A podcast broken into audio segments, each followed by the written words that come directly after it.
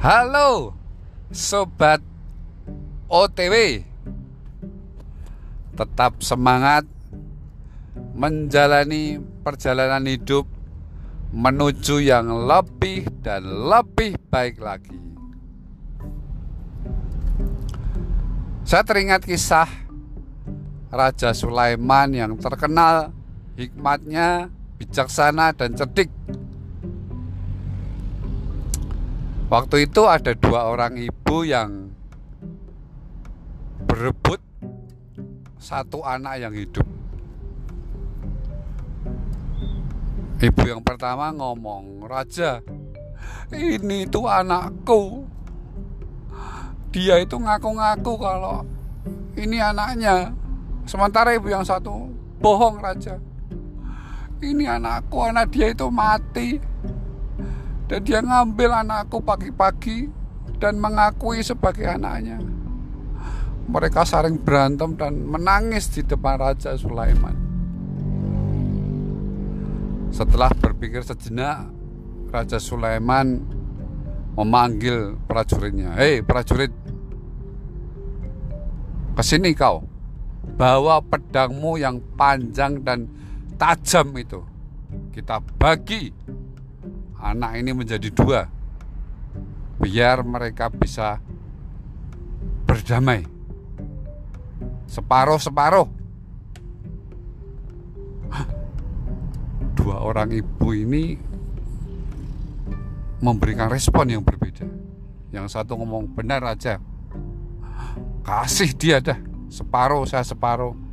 Biar adil Sementara ibu yang satu dengan tetap menangis berkata, Jangan Tuhan, jangan, jangan Tuhan, lebih baik dipelihara dia saja. Ketimbang anakku nanti mati. Nah, raja ini akhirnya menemukan siapa ibu yang sebenarnya dan dia berkata, "Pengawal, serahkan anak itu kepada ibu yang melarang untuk anaknya di bagi dua. Karena saya percaya seorang ibu yang asli tidak akan rela kalau melihat anaknya dibunuh. Kisah ini menunjukkan bagaimana hebatnya hikmat dari Raja Sulaiman. Dan kisah ini juga menunjukkan bahwa salah satu sumber hikmat adalah dari cinta atau kasih seorang ibu. Kalau saya bisa menyingkat dengan kalimat love driven wisdom atau hikmat yang digerakkan oleh cinta atau kasih. Hikmat itu akan muncul dengan sendirinya ketika kita punya kasih atau cinta terhadap sesuatu. Sebagai contoh nih, sobat OTW untuk memperoleh hikmat dari pekerjaan kita, kecerdikan dari pekerjaan kita.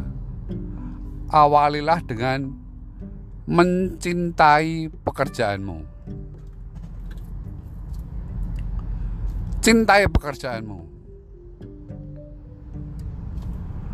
Jadikan pekerjaanmu itu sesuatu yang perlu diperjuangkan.